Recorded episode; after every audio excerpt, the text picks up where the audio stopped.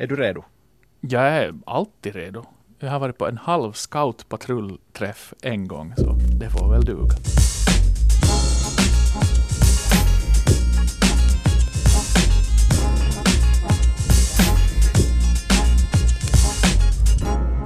Här är den igen, trestegsmissilen som är Ylesportens podd. Tre halvlekar, två dudes. Moi, Chris Vuojärvi och...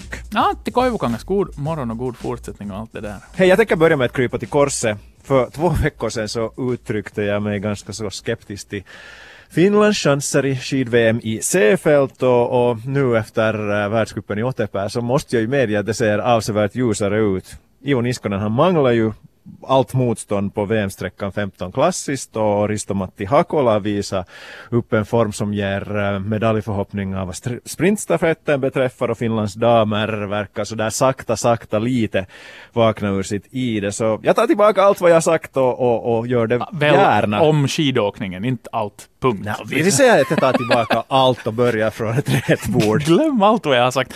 Intressant veckoslut. Jag följde med i de där tävlingarna, råkade vara på jobb här under helgen och, och det här.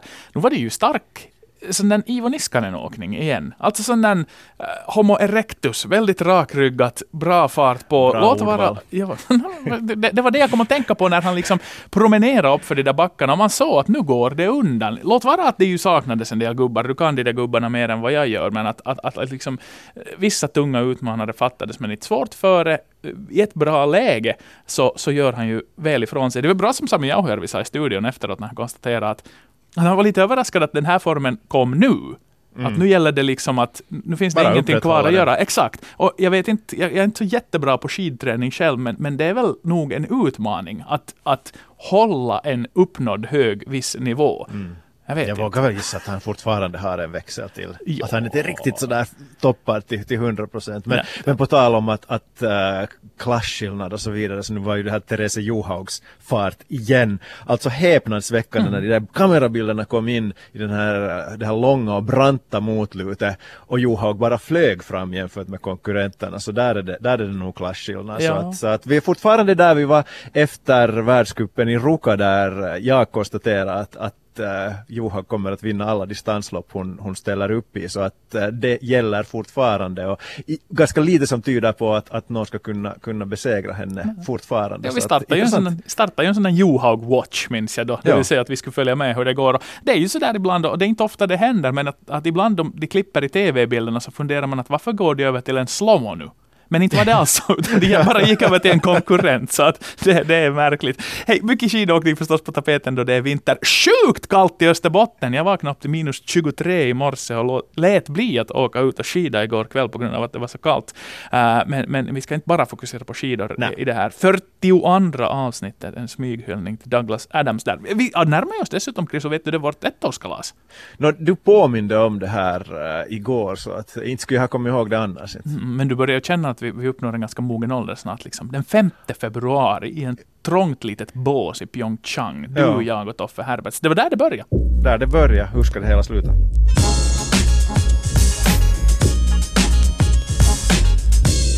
Jag jobbar veckoslutet och eh, tar därför i de första trådarna i det här avsnittet av uh, Yllesportens podd. Och uh, jag har valt helt sonika tre egna ämnen som jag mm. tänkte att vi skulle uh, beta av med, med dig här. Och uh, ett ämne som fascinerar mig redan i slutet på förra veckan, men som är också aktuellt i, i natt när, när han är i elden, nämligen Jesse Puljujärvi.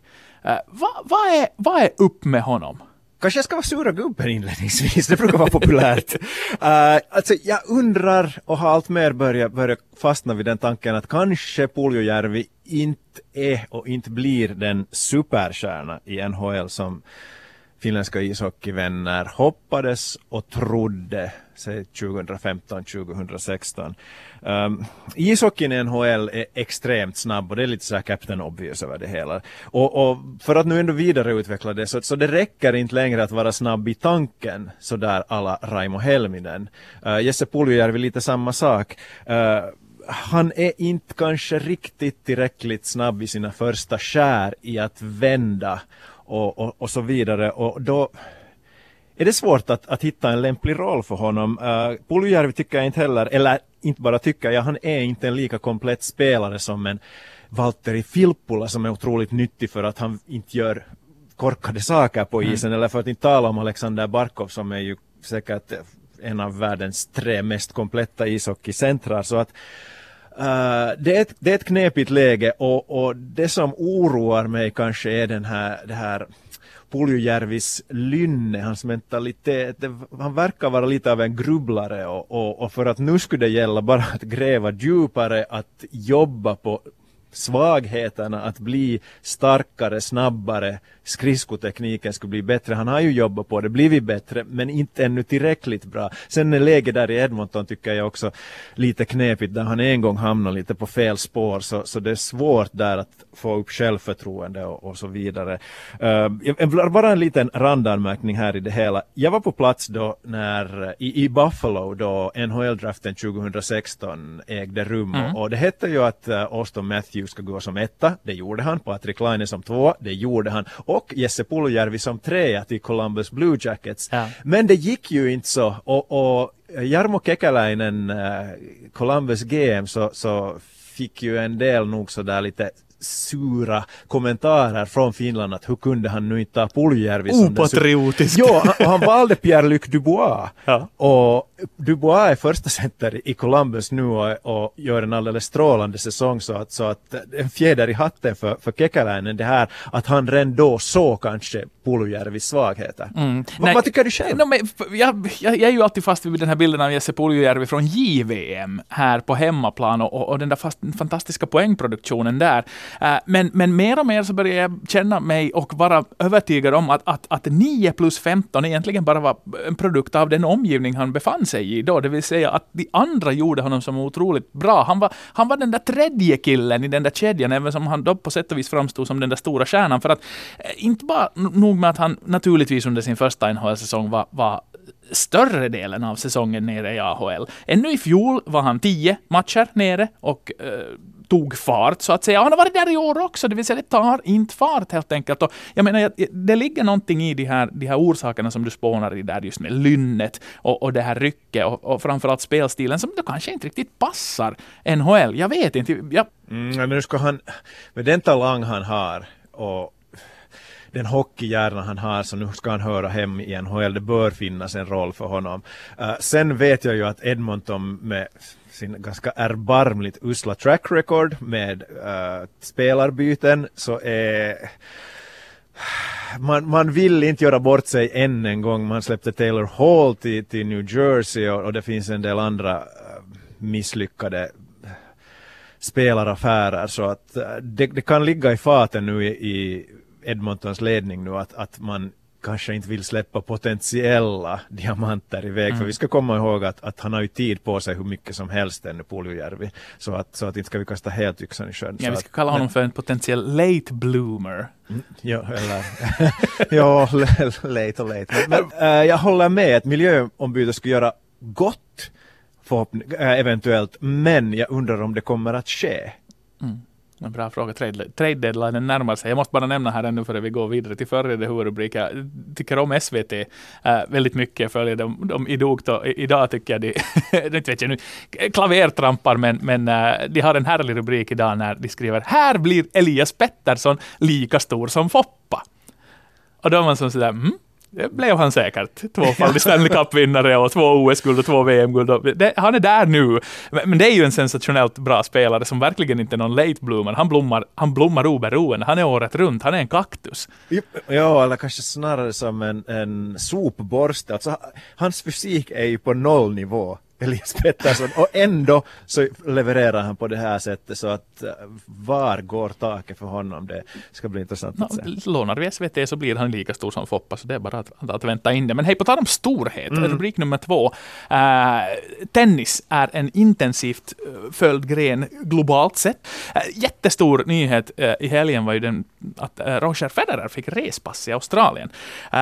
och det kanske börjar bli mer av just den nyheten istället för de här många titlarna som han radar upp. Det vill säga, börjar vi se slutet på en era? Svar ja. Det, det, tycker jag faktiskt. Eh, om man tittar på hans eh, senaste tre Grand Slam-turneringar så är, Federers resultat kvartsfinal, fjärde omgången, fjärde omgången. Uh, så att det här början på slutet kanske har ha inletts redan i fjol. och, och nu är det väl överlag också ett generationsskifte på gång. Och många tycker väl kanske äntligen i herrtennisen. Mm. För att Andy Murray meddelar att karriären i princip är all. Kanske spelar någon turnering till. Federer har inte berättat att är det här hans sista säsong eller fortsätter han. Uh, men nivån på herrtennisen och tennisen överlag den är ju så, så otroligt hög och att, att Federer har varit på toppen så länge så det, det är ju häpnadsväckande. Mm. Men, men han börjar bli äldre och, och det här är väl resultatet då att, att uh, de här yngre spelarna som kanske tekniskt sett inte riktigt på samma nivå ändå klarar av att, att slå ut honom då och då. Men, men förutom Murray och, och Federer så har vi ju Nadal och Djokovic. Mm. Tänk vilken kvartett. Jag tror att det är den bästa i tennisens historia någonsin. De dominerar i över ett årtionde och, och jag tror att vi kommer att vara väldigt nostalgiska om 10-20 år då vi tänker tillbaka på den här eran. Sen det här kanske inte Janne Karinkanta gillar och för att äh, Federer är på någonstans på den ikoniska nivå att man inte ens nästan kritiserar honom. Nej. Och jag tänker inte kritisera honom, han är, han är världens bästa spelare. Men kommer han att vara det också för att om, jag, jag vill göra en jämförelse med Rafael Nadal. Ja. Äh, Federer har 20 Grand Slam-titlar, Nadal har 17. Uh, eh, Nadal leder med 23 mot 15 i inbördesmatcherna mot Federer i Grand Slam-turneringar 9-3. Uh, eh, och båda tycker jag var på toppen av sin fantastiska karriär eller spela på den nivå den högsta möjliga nivån någonsin 2008 och då besegrar Nadal Federer på, i Federers vardagsrum, det vill säga i final på centerkort uh, eh, i Wimbledon 3-2 i set. Den bland de bästa tennismatcher jag har sett, kanske den bästa. Mm. Så, att, så att det finns ett case om Nadal kommer upp till samma nivå av Grand Slam-titlar, att han kanske ändå sen är den bästa någonsin. Men, men just nu Federer bäst, men vi ser slutet på karriären. Ja, det hans, tycker jag. Hans helyllestatus gör ju att, att på något sätt han blir, han blir liksom just nästan, han kommer ju att bli det här Helgon förklarade efter karriären sådär rent i tennissammanhang. Det är välgörenhet. Han blir vald till den populäraste spelaren av fansen. Äh, spelarna röstar fram honom som den stora gentlemannaspelaren. Det, liksom, det finns ingenting äh, att gå åt egentligen och, och, och de, där, de där rekorden talar ju för sig själv. Jag, jag håller nog honom som den största. Jag minns att äh, när vi var upp, i London. Men om, om, om, Nadal kommer upp till 20, håller du med om att då ska diskussionen tas? Det, ja, den kan tas redan nu, men jag tror inte han kommer, jag tror inte han kommer att göra det. Uh, Nej, det kan nog hända för att i, i, i, Paris så tror jag nog att han tar sin 18 igen. För ja, att ja, ja, men det, det, det, känns som att det, det är hans. ja, ja. Men liksom, jag, jag, glömmer inte där när vi var i London under OS och, och, och väldigt många kollegor hade en sån här fix idé med att, att man måste fara och titta på på, på Federer och se honom spela eh, i Wimbledon. Mm. Äh, även om det då inte var Wimbledon, men det var som sådär att, att det där är en sån här bucket list-grej. Och jag var sådär att nej, ja, Kim, tjo, kanske, tja. Och i dagsläget så är jag lite sådär harmsen över att jag inte faktiskt tog mig tiden och försökte ympa in det i ens eget tävlingsprogram. För då skulle man ha fått uppleva det där att man bevittnar en levande legend medan den är aktiv. Man läser om idrottare som har varit stora genom åren. Såg du alltså inte, inte uh, Federer spela i Peking? Vi var ju där i tur och ordning och kollade på tennis där och refererade. Ah, okay. jag missade. Ja, ja. mitt, stora, mitt stora referatgenombrott och enda, och då kan vi faktiskt kalla det ett genombrott, var att referera tennis i Aten. Ah. När jag satt en hel natt och väntade att en dubbelfinal, tror jag, skulle ta slut. Och vi slutade sända, och ännu en och en halvtimme efter att vi hade slutat sända, eh, så, så, så, satt jag med Mendo, det vill säga Ari Mennander. Och han refererade, för Radio Suomi hade sändning, och vi hade slutat länge sedan, och, och följde med hur det skulle gå. Det var något chilenare. Ja, ja. Uh, fascinerande, så att lite, lite tennistouch har jag. Och så var jag faktiskt det var väl Chiles första uh, OS-guld ja, på jo, jo, alltså det var, det var, det var gigantiskt, ja. det minns jag. Uh, det är ju 15 år sedan, herregud, men att det här, det, det är mina tennisreferenser som inte är så djuplodande. Hey, sista rubriken i den yes. här första halvleken handlar om uh, ett evenemang som vi sänder inkommande vecka, som jag dels stiftade bekantskap med, med att jag hade reportertur och skrev om vårt isdanspar i konståknings-EM. det är Minsk som är värd ort för det här mästerskapet dit eh, Finland skickar både Viveka Lindfors och Emmy Peltonen, en herråkare, så det här nykomponerade, eller inte nykomponerade isdansparet, men Mattias Versluis och Julia Turkkila. Och sett i Europarankingarna så ligger vi ju helt skapligt till just nu äh, i konståkningssammanhang, i europeiska konståkningssammanhang. Men hej Krisu, konståknings-EM, hiss eller diss? Uh, absolut hiss. Uh, jag har, ska vi säga, inget annat än respekt för grenen och för konståkarna. Det är alltså det är toppidrott med, med versaler hela vägen igenom. Och jag tycker faktiskt, du nämner det här att, att Finland ligger ganska väl till i, på europeisk nivå. Och jag tycker att det har varit förbluffande och häpnadsväckande att, att Finland har producerat så många världsklassåkare de senaste två årtiondena. Det har blivit medaljer framförallt på damsidan på ganska löpande band. Mm. Och det var jag vill hänvisa kanske här i sammanhanget just att hur krävande grenen är, vilka uppoffringar de här åkarna är tvungna att göra. Det är ju lite elakt sagt i, i, i många länder så är det snarare nästan så här konståkningsfabriker ja. där, där man inleder i väldigt ung ålder för att den här grenen kan ju på många sätt jämföras till exempel med, med gymnastik i, i kravnivån och, och, och hur ung man måste vara då man, för att kunna bli bra framförallt på, på damsidan där, där liksom utveckling, den kroppsliga utvecklingen leder till att, att uh, man måste lära sig i ung ålder. Och, och, och inte bara kräver det uppoffringar av eh, idrottarna utan dessutom så är det här ju en väldigt dyr gren och jag kan tänka mig att, eller jag vet att många föräldrar har betalat skjortan för att uh, kunna ha sin dotter eller, eller barn i, i, i konståkningen. För att uh, når du en viss nivå och vill, att, vill komma vidare så kräver det i princip att du har en, en träningstimme i en ishall med tränare ensam. Mm. Medan du, om du spelar ishockey så delar du på kostnaderna ja. mellan 20 föräldrar ja. eller 20 föräldrapar. Ja. så att, huh, vad, vad har du själv för inställning till, till konståkning? Uh, nej, jag, jag, är, jag är full av beundran precis som du och, och jag, jag, är just inne på den här, det är kanske fel ord att använda, men, men liksom det, att nå den absoluta världseliten märker man och ser man kräver ju en, en snudd på sjuk, systematisk och tidig satsning. Ja. Det finns liksom ingen sån här eh, att du vaknar sent där vid nio års ålder och tycker att hej, att det här kanske funkar och, och sen liksom växer man in i grenen. Jag menar, ta nu bara det faktum att Marianne Nyman skriver en förträfffull kolumn just nu på vår webbplats där hon beskriver situationen i Ryssland, där mästarinnan silvermedaljören och bronsmedaljören eh, i de ryska mästerskapen inte kan tävla vid EM för att de är för unga. Mm. Uh, och då är det alltså fyran, femman, sexan som, som liksom får, får den där möjligheten för att uh, internationella förbundets regler är som de är.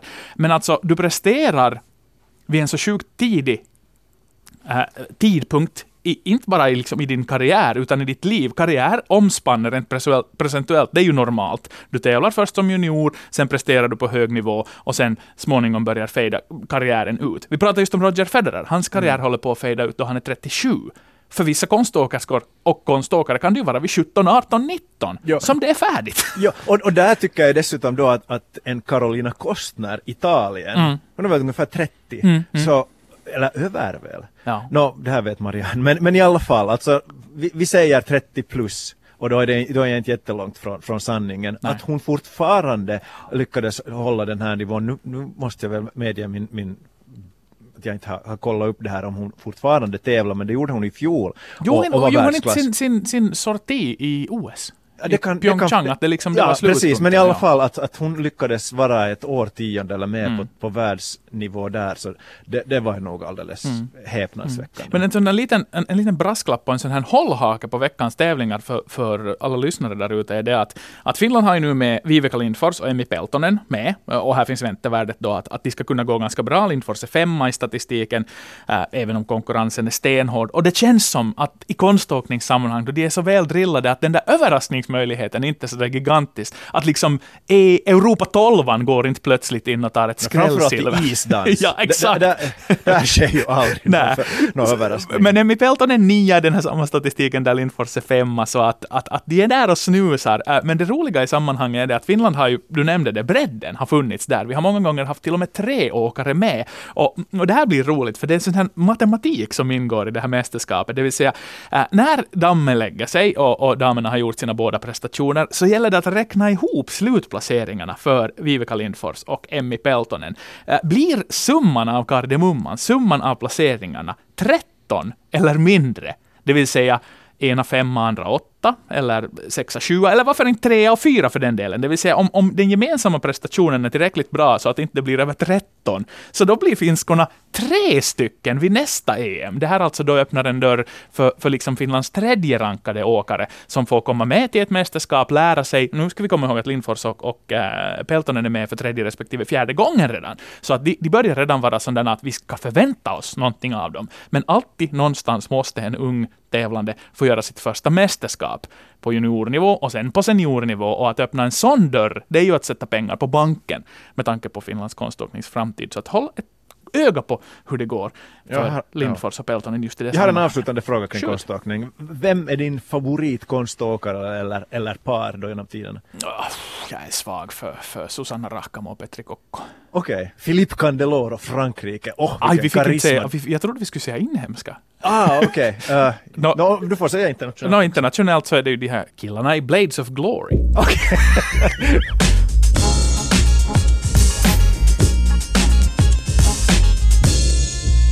Eh, då lägger vi på ett extra kol, kliver in i andra halvleken. Eh, jag börjar väl kanske med frågan, kollar du på Idrottsgalan i, var det i torsdags? Jo, verkligen. Jo, Mm. jag jobbar på en på fredag, kollar på en på torsdag. Och det är idrottsgala idag också i Sverige. Det är ju ett, ett event man gärna tittar på. Vi tar väl tillfället i akt och, och gratulerar vår kollega Leif Nå Lampenius. himmel, jo. Han premierades i kategorin var det idrottskultur eh, och det var förstås naturligtvis helt rätt.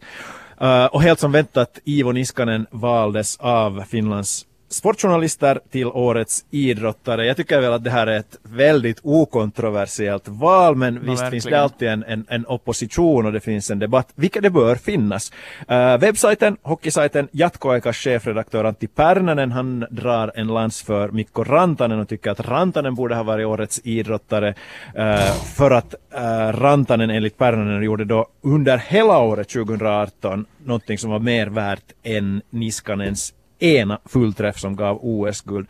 Eh, och man kan säkert byta ut Rantanen mot någon annan idrottare i ett, ett, ett, ett snarlikt resonemang. Men, men vad tycker du Antti Koivukangas, inte Pärnänen? Nej, det är alltså klurigt det här eftersom som, som, eh, det är ju, eh, termen i sig är lätt att tolka på olika sätt. Det vill säga årets idrottare. Vem har varit årets bästa idrottare? Eh, för jag menar, man, du kunde ha år, årets prestation, årets formtoppning, årets bäst när det gäller. Du skulle kunna kalla det vad som helst och få väldigt olika vinnare. Jag menar, Mikko Rantanen gör onekligen en fantastisk säsong. Teemu. Pukki gör det Ja. också, alltså, eh, om man ser till hela, eh, för hans del då också, två säsongshalvor på varsin sida av, av det här. Och, och det som äh, lyfte upp väldigt eh, korrekt var ju det faktum att, att Ivo Niskanen i världscupen har ju inte varit ett namn överhuvudtaget. Äh, ironiskt att han går och vinner då just liksom helgen efter det. Äh, men, men det här, äh, jag valde själv och lade min röst då på, på Ivo Niskanen. Och, och nu är det ju nå- någonstans liksom att, att han är rubrikernas man på så otroligt många sätt och han har blivit så folklig. Än mera nu när, när rundradion fick tillbaka skidrättigheterna. Det här skrevs det ju också om i Ilta-Sanomat och jag minns inte om det var Laura Moron eller någon annan av de dam, äh, finländska damlandslagsskidåkarna som konstaterar att det är större press att leverera nu när alla tittar på.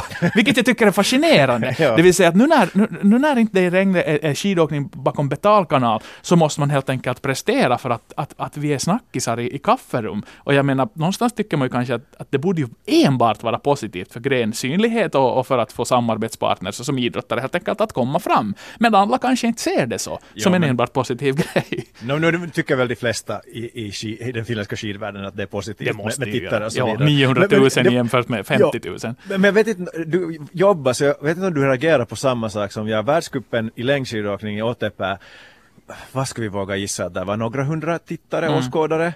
Sen så flyttade ju sändningen till fotbollning Ja. och världscupen i skidskytte. Vilken skillnad! Var det kanske 30 000 åskådare och det var Ja. folk längs med hela Karneval. banan. Så, så nu förstår jag ju att prispengarna i världscupen i skidskytte är, är mångfalt större än Ja, i, och i gör det att du satsar på någonting på ett helt annat sätt med tanke på där, du lägger ju det krutet där du kanske utilitaristiskt ser att det är stö, till störst nytta för dig själv. Uh, och så, så jag liksom, uh, jag menar Kaisa Mäkäräinen är ju en oerhört folkkär idrottare med den äran. Hon är den ensamma dominanten i en liten gren i Finland. Gå på skidskyttedeltävlingar i, i, i FM-sammanhang eller, eller vad som helst för skidskyttetävlingar i Finland. Alltid så, inte har, så inte har du de stora massorna där. Men eftersom hon är så gigantisk i en gren där inramningen är sån där, så blir hon det kanske lite fel att använda det, men hon blir liksom överskattad för att, att det är så häftigt att en av de våra kan klara sig där. Eh, jag menar, det är det lite det här samma dilemma som vi har tangerat många gånger, att, att gå nu sen och, och, och, och, och namedroppa de där övriga åkarna som är med, förutom då förstås Marie där, eh, som folk också känner till på grund av hennes medieprofil och på grund av att det har skrivits väldigt mycket om henne. Det har varit tacksamt att göra berättelser kring Mäkäräinen och Eder Laukkanen. Äh, men, men, men utöver det så, så, så åtnjuter hon ju en oerhörd uppskattning i en gren som i Finland sen är ganska obskyr. Men överlag om, om jag återkopplar till det här med att uh, vad är större, en fullträff eller stabil och, och hög nivå under ett, en lång tid eller ett helt år. Så jag, jag tycker kanske att om vi nu hänvisar till, till Pärnanens kolumn igen, så att han gör, gör där liksom det lite väl lätt för sig. Och, för att det är ju många grenar där det är svårt att uh, upprätthålla en hög nivå för då är du inte tillräckligt hög nivå då när du ska vara som bäst. Att, t- Tänk proffsboxningen till exempel, en, max två titelmatcher per år. Ja. Uh, en tiokampare klarar knappast av att prestera mer än, än, än två ti, heter det tio kampar per, per år? Kamper. Kamper, förlåt. uh, på, på den där yttersta nivån för Ja. att sen, sen återhämtningen kräver sitt också. David Söderberg, ett kvalkast för att komma till ett mästerskap och ett kvalkast för att komma till finalen i det mästerskapet och sen eventuellt tre till sex. Ja. Bra exempel där också. Inte kan man ju säga att, att liksom det är jämn hög nivå genom ett helt år där. Ja, men, men hör du, om vi spinner vidare på det här, du, du nämnde den det här med att, att äh, Kajsa Kaisa Mäkäräinen och, och, och överskattning, underskattning, äh, idrottsgrenar mot varandra, så, så håll, om, om vi talar om, om idrottsgrenar som är underskattade eller överskattade, så, så finns det sådana eller får, vilket jag kanske lite tycker, eh, idrottare och idrottsgrenar den, den publicitet och den uppmärksamhet de förtjänar? Mm, jo, nej, alltså traditionellt sett har ju, har ju journalistiken varit väldigt, väldigt avgörande av den här gatekeeper-funktionen, att vad det skrivs om och vad, som, vad, vad, vad tidningarna fylls av. Men, men på något sätt har ju sociala medier gjort att, att, att idrottarnas egna profiler har blivit en form av mätare på popularitet och uppskattning, även om vi, även om vi där kanske då snackar om marknadsvärde mer än någonting annat. Eh, det handlar inte egentligen om de idrottsliga termerna och, och man kan liksom manipulera sitt marknadsvärde på sociala medier utan att egentligen prestera idrottsligt, om du förstår vad jag menar. Eh, men, men jag satt länge och pratade med Glenn Sparv, Eh, uh, MMA-fightern, som, som ju är en av få finländare som håller på med det som proffs. Och, och det gör han i Thailand för att dels är faciliteterna lyckade där, han får bra, bra sparring och sen, sen är levnadskostnaderna så att han kan, han kan försörja sig på att, på att vara stor i Asien. Big in Japan tänkte jag säga. Men när vi pratar med honom om det här att huruvida han, den där UFC-dörren kommer att gläntas på i något skede för honom, kommer den, den där chansen att komma? Såklart han börjar känna en viss frustration. Han tycker att han pound for pound som fighter vore värd den där chansen. Men sa det på så härligt lakoniskt österbottniskt sätt att jag, att jag, jag kanske borde vara snyggare eller någonting. Jag vet inte. För att liksom, det är liksom Instagram-följare, marknadsvärde är så otroligt viktigt för en organisation som UFC.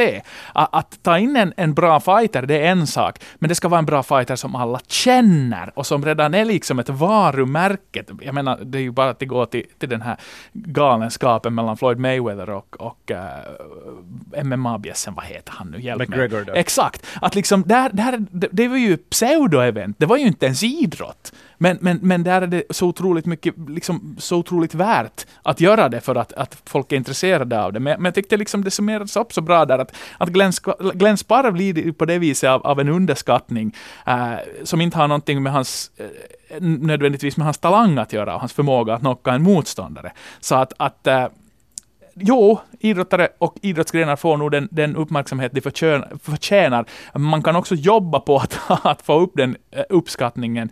Eh, Men, men för vissa är det nog ett ständigt pissande i motvind, det hjälps Mm. inte.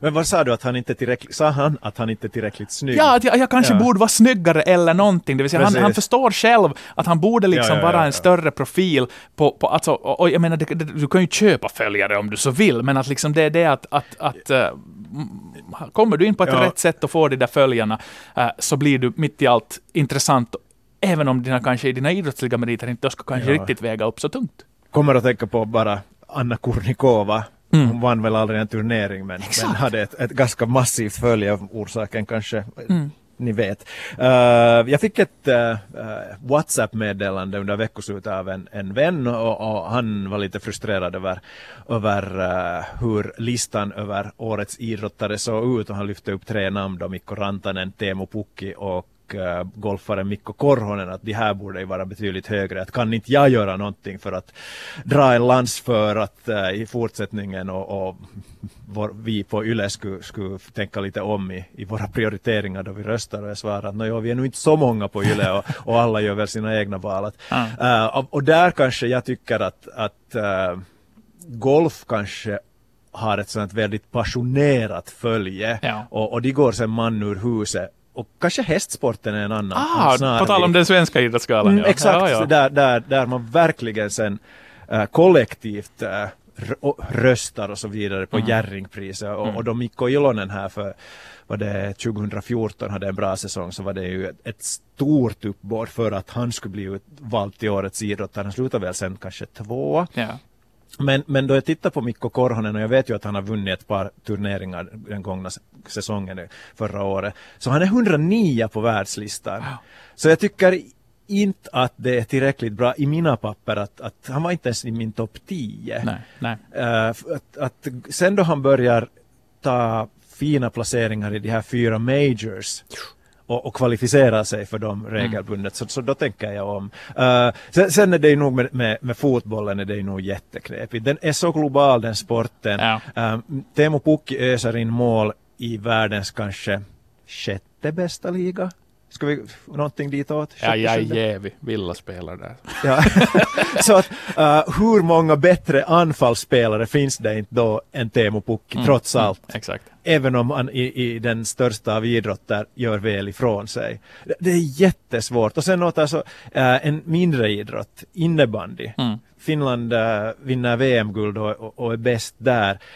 Hur mycket ska det ligga i fatet på innebandyspelarna att uh, konkurrensen inte är lika skarp, Mm. att det inte finns lika många spelare, nationer som håller på, håller Ja. på med det. Så det, det, det är jättesvårt. Ja, så är och, och sen tycker jag liksom överlag kanske uh, lagidrottare har svårt att hävda sig. Om en, en, om en ishockeyspelare ska bli utsedd till årets idrottare i Finland, vald till årets idrottare, så nu måste det nästan vara så att spelaren vinner poängligan eller helst vinner Stanley Cup. Ja. En, en, en, tror en bra säsong Vinner du Stanley. Cup och hinner hem och vinna VM-guld för Finland Ja. samtidigt, Ja. då, det räcker. Ja. Ja, men Och- det, det är klurigt det där. Men jag tror ju nog att, att äh, äh, idrottsjournalistskrået har gått framåt så tillvida att då Päivi Alafranti vann EM-guld i spjutkastning så Mm. utsågs hon ju till årets idrottare före Jari Kurri som var Stanley Cup-mästare Ja, och Kurri ja, ja. hade en, en fantastisk säsong överlag det Ja. året.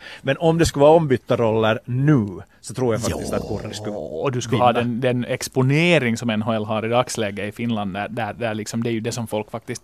Jag menar, morgonrutinerna har ju skiftat igen för finländarna. Det vill säga, och, och dygnet har ändrats. Jag menar, söndag kväll satt jag ju så på NHL ishockey. Det sista jag gjorde för jag gick och la mig. Och det första jag gjorde när jag steg upp och drack mitt morgonkaffe var att ha på NHL ishockey. Så att i, den, i det klimatet så, så tror jag att röstningsbeteende ändrar. Men sen har vi ju det här som vi alltid drar till att vi har det här, uh, det, det, jag vet inte, jag känner inte till den gråa massan, men uppfattningen är att det finns en sån här, och det här handlar framförallt om att det skulle vara ett regionalt fenomen, att ute i, i, i liksom dikes och kärr och åker Finland så finns det en sån här kritisk massa på 400 journalister som alltid prioriterar skidåkare och friidrottare. Ja. Exakt. Att det liksom finns en sån där hiihtoniilot och yleisurheiluniilot som skulle vara någon form av, att det är en så stark lobby att, att, att, att liksom, de kan man inte rå på hur, hur och det skulle gå. brottning tror jag också. Ja, det är sant. Men där, är, där måste det är ju säkert österbottningarna som drar en lans för den. Men att, där hade vi ju ändå Petralle ganska högt mm. på listan. Men det, det är klurigt det här med, med överskattning och underskattning. Ni som lyssnar där hemma för tillfället får jättegärna delta i den här diskussionen kring överskattade och underskattade idrottare, för de finns där ute. Alla har vi våra personliga preferenser, det är kanske inte sådana man vill gå ut med heller, men, men, men man börjar uppskatta vissa idrottare för olika saker, andra börjar man kanske dissa för, för, för olika saker. Det, det, finns en diskussion där, så ta gärna del av den. Och fast i kommentarsfältet nederst i artikeln på svenska.yle.fi sporten. Det här är en Svenska Yle-podd. Sista delen, tredje halvlek, i Yllesportens podd i detta 42 Douglas Adams-inspirerade avsnitt handlar om två snabba frågor där. Chriso får börja! Mm, uh, jag är nyfiken för jag är en ganska late bloomer vad beträffar just då, det vad vi håller på med, det vill säga poddar. Uh, vilka poddar lyssnar du på? Inspirera mig. Mm, Ted och Kai mm. är det som jag är, är slaviskt lyssnar till. Eh, sen har jag haft lite oflyt med två poddar som jag var ganska tänd på. Eh, de har liksom, ena har försvunnit totalt och den andra eh, har väl, jag vet inte om de pausar eller vad de gör, men, men, men två Vasa-tjejer, dels inom min bransch, producerade två blondiner och ingen tiger som, som upphörde på grund av att den ena flyttade bort från orten, så jag vet inte vad som händer där. En otroligt bra podd som jag lyssnade på länge var TFS-podden, två killar i Åbo som gjorde den, men den bara upphörde. Uh, sen har jag en, en, förmåga ibland att logga in på Janne Strangs och Peter Törnroths uh, två nollor för mycket. Men den är för lång. Det är så sjukt långa. Nej, faktiskt, nu snackar vi inte liksom Yllesportens podd. Den, den är liksom dryga. Alltså, det, vi börjar snacka en fotbollsmatch. Uh, okay. Så då, ja, det måste vara en tågresa för att jag ska slarva mig igenom Strangs och Törnroths alster. Även om den är bra, det ska sägas. Men, men utöver det här så uh, alltid ett, ett avsnitt av P3 Historia funkar galant. Men mm. du sa att du var sent än, så du har ju ändå mm. vaknat. Vad lyssnar oh, du på? Ja. Uh, NHL-timmen ja. med Uffe Bodin, uh, Linus Hugosson och uh, Jonathan någonting. Uh, jättebra. Uh, jag lyssnar dessutom på våra kollegor från Sanomahuset, Pallo Kerho. Ja, men de den... glömde jag nämna, mm. men de känns inte så heta just nu. De är så ja. fotis, alltså det blir så där från april och framåt, ja. Okej, okay, men jag, jag, lyssnar nog fortfarande för att de, talar insatt och, Nej, bra, och, ja. fantastiskt om, om silly season och, och, och lagbyggen och, och, så vidare och landslaget och, och, Uh, och sen också deras kollegor uh, Vesa Rantanen och Tuomas Nyholm och Total Hockey Forever, lite larvigt namn men jag tror att de själva, själva har valt det för att det är lite larvigt. Uh, jätteinsatt om och, och engagerat om, om främst finländsk ishockey men, men också NHL och, och uh, framtidsdiskussioner över hur grenen kan och ska utvecklas. Uh, men, men det vad jag saknar är en bra längdskidåkningspodd och jag det finns en svensk uh, podd som heter Skidsnack. Jag var inte så där jätteimponerad. Mm. Lite för lite sak och lite, lite för mycket bara pladder. Så att om någon har tips på bra längdskidåkningspoddar så, så hör av er och Ja, eller om, om någon där ute, typ Matu Strandvall, pensionerad numera. Tänk om Matu och Leffe mm. skulle slå sina kloka huvuden ihop och börja göra en längdpodd. Jag tror det skulle kunna bli bra. Ja. Eh, på tal om bra, eh, vi brukar alltid banda tidigt på förmiddagen och sen spårar det ur och så pladdrar vi för länge, precis som idag. Och då blir man ganska hungrig. Eh, så min fråga idag handlar faktiskt om käk. Vilken är, eller har du en sådan, din favoritpidde, pizza? Och nu talar vi alltså om ingredienser. No, jag tänker sådär att du kan också, vad brukar det heta, fantasia? Du kan kombinera en helt själv och, Precis, och kalla den ja. för någonting. Men det, det, finns ju vissa vedertagna namn. Finns det någon som tickles your fancy extra mycket? Eller, eller är du, ja, hur? Säg, no, det, blir nog, no, det kan nog hända att det, det finns något namn på det, men, men uh, först och främst så ska bottnet vara väldigt tunt. Mm. Uh, sen så är less more vad beträffar pizzor. Alltså mm. uh, oliver, feta eller auraost. Uh, Säger du feta? Ja. Gör du det? Fetaost. Fetabetä säger Feta, man. men feta, ja, ja, no, ja. Eh, kanske färsk rucola och, och lite rödlök, det räcker. Okej, det där låter som en ganska sund pizza. Jag hade här eh, tänkt ta avstamp i en, en gammal sån här äh, dagen efter-klassiker som, Ah. som, jag, som jag tror hette Somarello på en pizzeria i Vasa på Stora Långgatan. Äh, det, det- det var nog säkert annat också, men huvudingrediensen var bacon. Oh, så yeah. Det var en klassiker. Men, men, men ny uppvaknad så, så måste jag få din åsikt i en sån här fråga. För jag åt en, en jättegod pizza, där eh, det var en sån här monsterpuck med rödlök, rostbiff, malet kött, mexikanasås, cheddar och avokado. För mig är avokado på pizza precis det som ananas på pizza är för min sambo. En total no-no. Men jag blev överraskad av avokadons blygsamma sån här vad ska vi säga, biroll som ändå bidrog till helheten just på den här pizzan. Så va- var står du i den diskussionen? Avokado, ananas, hör Ah, det här är så puck? fascinerande för, för alla stora frågor i världen har också tangerats i den lysande eh, tv-serien Seinfeld. Där ju ett eh, avsnitt uh, handlar ju om vad man kan sätta på en pizza eller inte och där var det gurkan som var Oj, dit En- skulle jag inte gå. Nej, inte jag heller. Inte heller ananas och avokado låter inte heller som min tekopp. Ah, bra, men din tekopp kanske är poddavsnitt 43 av Vad ska vi tala om då? Det får jag vi vet fundera på. Knappast pizza. Recept kanske. Eventuellt. Men pizzorna, nej, poddarna hittar ni naturligtvis på arenan, Spotify och iTunes.